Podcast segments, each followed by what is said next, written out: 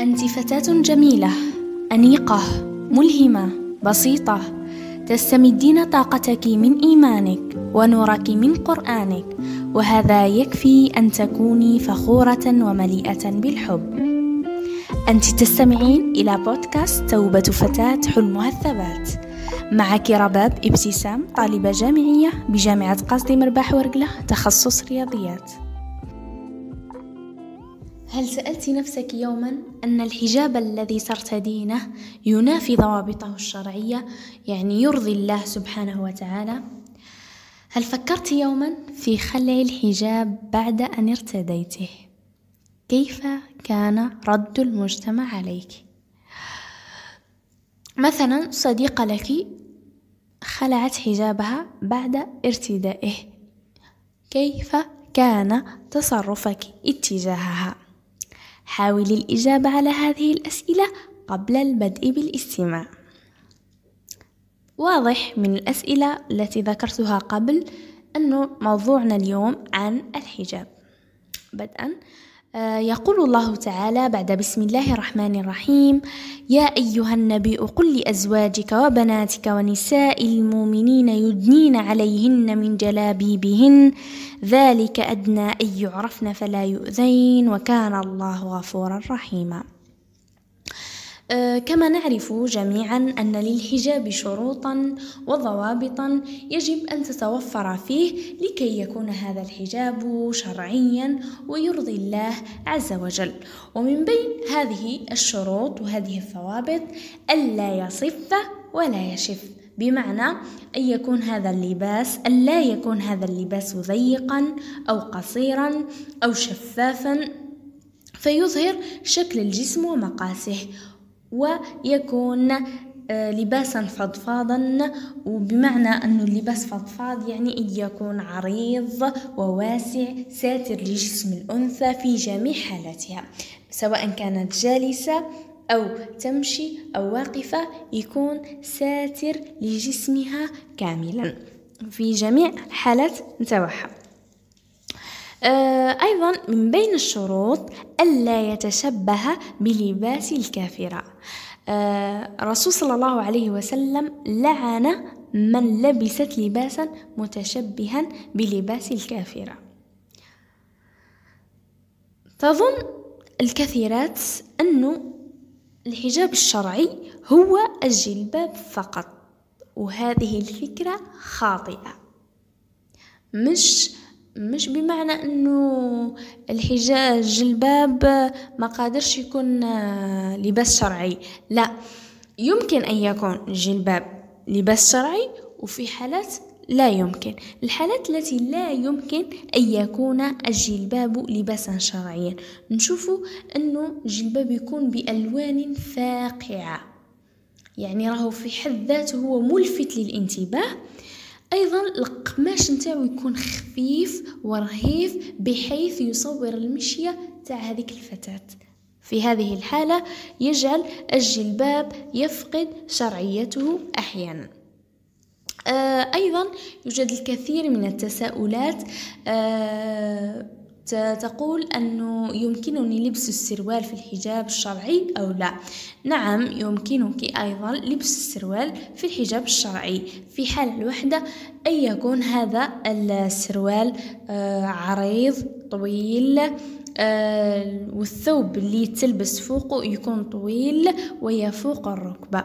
وما جاء في حديث الرسول صلى الله عليه وسلم عن المتسرولات يقصد به أن يكون السروال تحت الحجاب أو الثوب لضمان آه، ستر القدمين وليس لبس السروال وحده.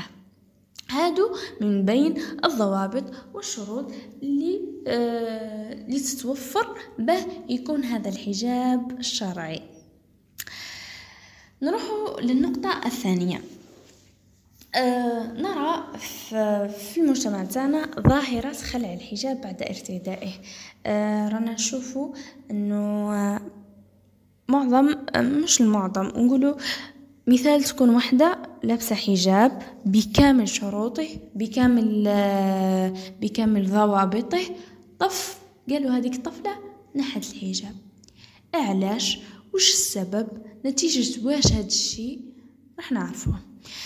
ظاهرة خلع الحجاب بعد ارتدائه أصبحت كثيرة في المجتمع تاعنا.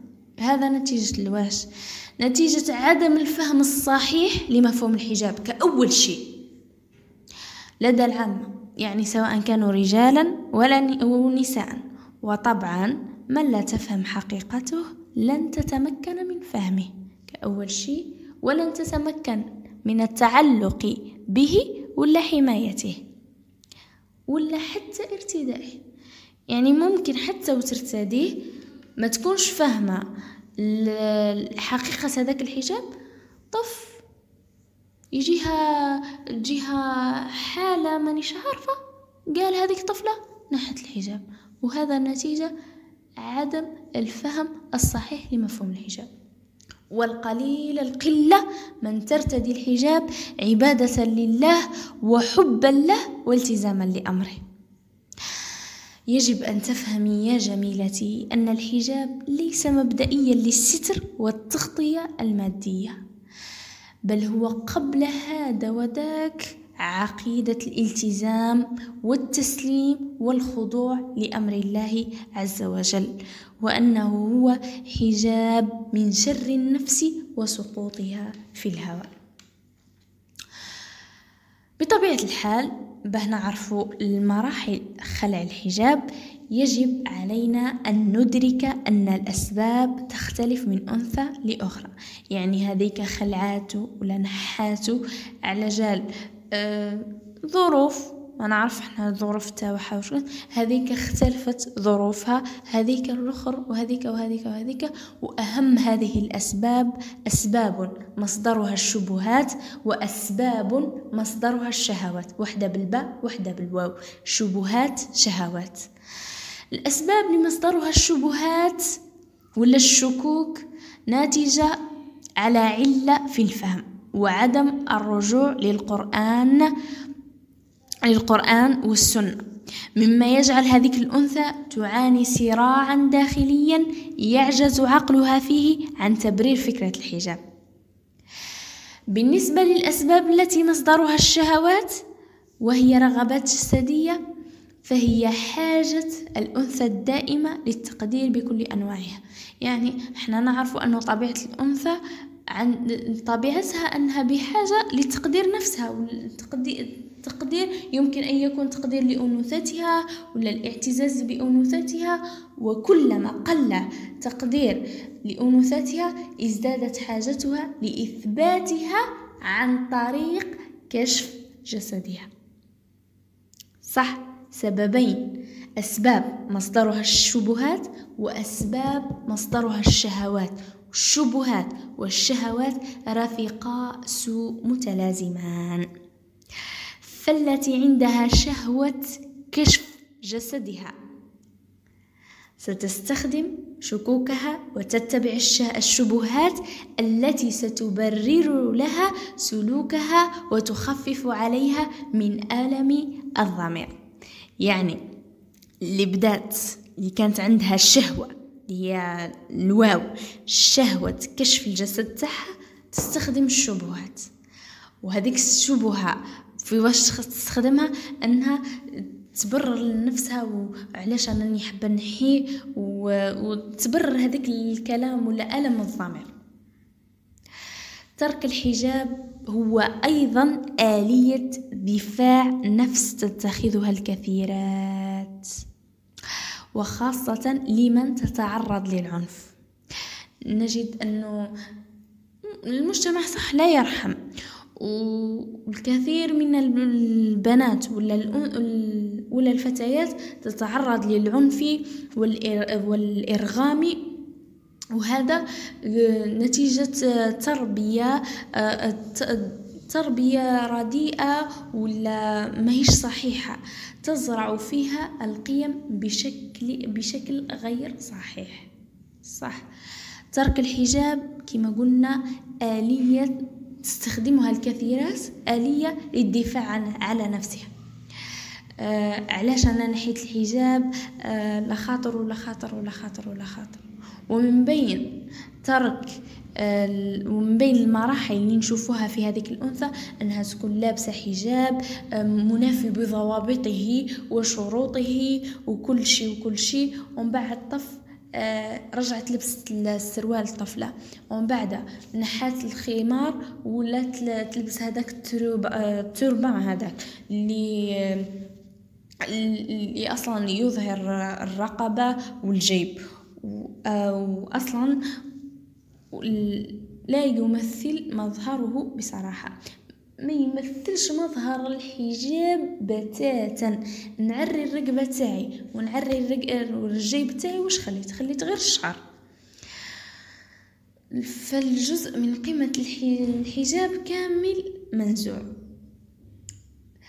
تتحجج الكثيرات وتقول لبسته غصبا عني وماهوش مذكور في القرآن الكريم وجسدي حريتي وتططا وتططا وتططا وهناك أسباب كثيرة كثيرة ترمي بها الكثيرات وفي الحقيقة أن الإسلام له قيمة هي قيمة الحجاب والالتزام.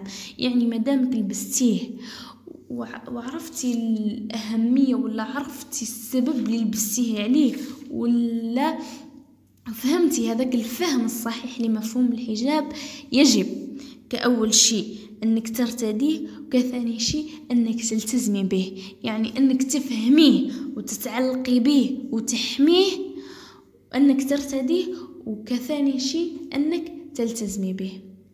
انت جميلة. وتكونين أجمل حين تتخذين قرار الالتزام بالحجاب. فهذه خطوة شجاعة وناضجة جدا.